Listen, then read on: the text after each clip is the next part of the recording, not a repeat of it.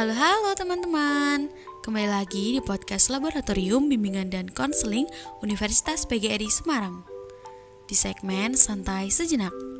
Kembali lagi dengan saya, Anissa. Beberapa hari yang lalu, saya menemukan gambar seperti yang ada di cover Santai Sejenak kali ini. Yap, kata-kata itu merupakan pengakhiran dari sebuah percakapan. Atau bisa dibilang kalau dua kata itu kata keramat untuk orang yang lagi PDKT sama kerasnya. Pertanyaannya, kenapa bisa keramat? Ya, katanya kalau chat kita sudah dibalas dengan dua kata itu artinya dia tidak lagi mau meneruskan percakapannya. Tapi tahukah teman-teman bahwa kedua kata itu bisa menjadi contoh dari keterampilan dasar konseling? Wah, kok bisa kayak gitu? Hmm, bisa dong. Di dalam keterampilan dasar konseling ada 15 keterampilan yang bisa diterapkan ketika proses konseling. Nah, kedua kata itu oh gitu ya. Dan gak apa-apa. Kira-kira dua kata itu masuk ke keterampilan apa ya? Simak baik-baik podcast kali ini. Yang pertama ada kata oh gitu ya. Kata itu cukup sebenarnya untuk menunjukkan kalau kita mendengarkan dan tertarik pada cerita lawan bicara kita. Akan lebih baik jika kita menambahkan pertanyaan terbuka agar mereka menceritakan lebih detail mengenai masalah yang dialami. Seperti contohnya, "Oh, gitu ya. Kenapa bisa terjadi?" Atau, "Oh, gitu ya. Bagaimana itu bisa terjadi?" Pertanyaan terbuka seperti itu juga merupakan salah satu keterampilan dasar konseling yang mampu memancing konseli atau lawan bicara kita untuk bercerita lebih detail dan lebih rinci. Jadi, ketika kita bercerita, lalu ditanggapi dengan "Oh, gitu ya." Itu tidak selamanya berarti untuk mengakhiri percakapan. Siapa tahu dia calon konselor. Dia sedang menerapkan keterampilan dasar konseling, namun pada beberapa keadaan mungkin dia sedang tidak ingin membahas hal tersebut. Pandai-pandailah kita dalam menempatkan diri dan membaca situasi. Yang kedua yaitu kata nggak apa-apa. Dalam keterampilan dasar konseling, kata ini merupakan contoh dari reassurance, yang artinya penguatan atau dukungan. Tentunya tidak hanya sampai situ, perlu adanya kalimat berikutnya untuk menjadi keterampilan reassurance yang baik dan dapat diterima oleh konseli atau lawan bicara kita. Kalimat yang dapat digunakan sebagai kelanjutan dari kata "gak apa-apa" itu bisa dengan approval reassurance seperti bagus sekali, luar biasa. Contoh kalimat lengkapnya seperti ini. Gak apa-apa, kamu sudah sangat luar biasa karena sudah berniat untuk berubah. Seperti itu, teman-teman. Beda lagi kalau ditanya sama gebetan, "Kamu kenapa?" Lalu dijawab, "Gak apa-apa."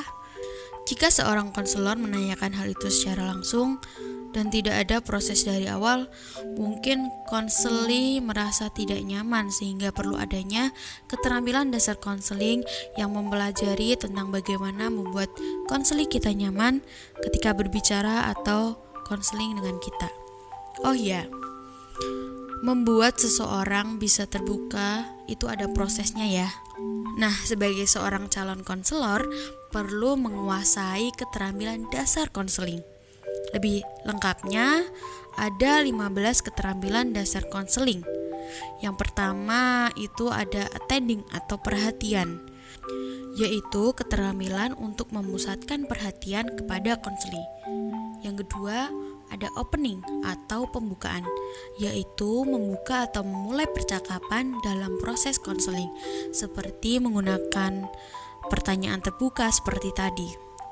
Berikutnya ada acceptance atau penerimaan untuk menunjukkan minat atau ketertarikan tentang hal-hal yang diceritakan oleh konseli. Berikutnya ada restatement atau pengulangan, yaitu keterampilan konselor dalam menyatakan kembali pernyataan konseli. Selanjutnya ada paraphrasing, yaitu keterampilan konselor dalam menggunakan kata-kata dalam menyatakan kembali isi dari ucapan-ucapan konseli.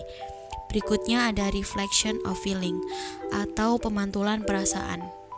Keterampilan konselor dalam memantulkan perasaan atau sikap yang terkandung di balik pernyataan konseli.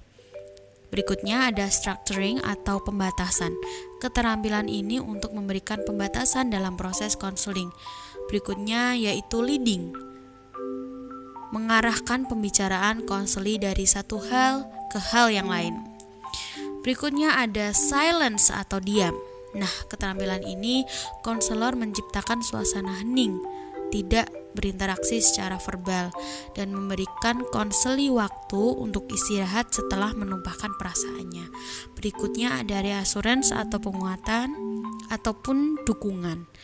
Keterampilan yang dipakai konselor untuk memberikan dukungan atau penguatan terhadap pernyataan konseli. Wah, banyak sekali ya teman-teman.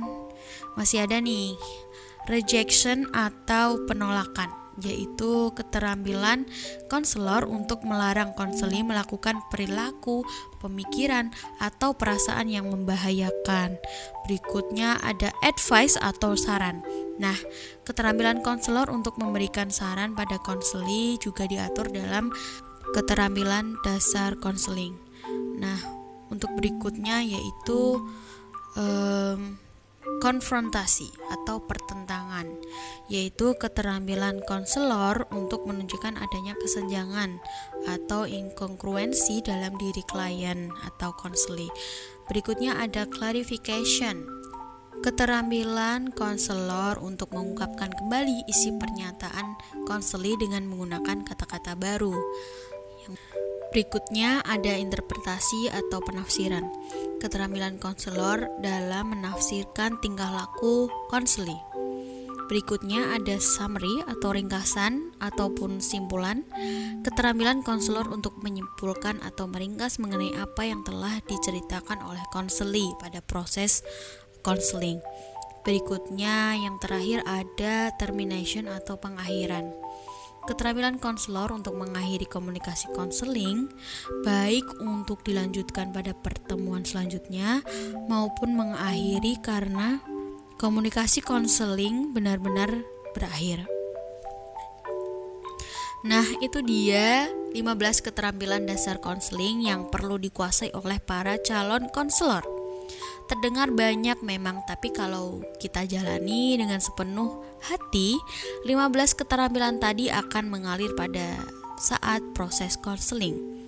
Intinya, kita sebagai calon konselor mendengarkan cerita konseli dan menghadirkan kenyamanan untuk mereka agar mereka bisa menumpahkan perasaannya dan menceritakan masalah kita ke peer counselor atau ke konselor profesional akan terjamin kerahasiaannya. Jangan takut mencari bantuan atas kesehatan mental kamu ya. Sekian podcast kali ini. Terima kasih sudah mendengarkan dan jangan lupa bahagia hari ini. Sampai jumpa di episode selanjutnya.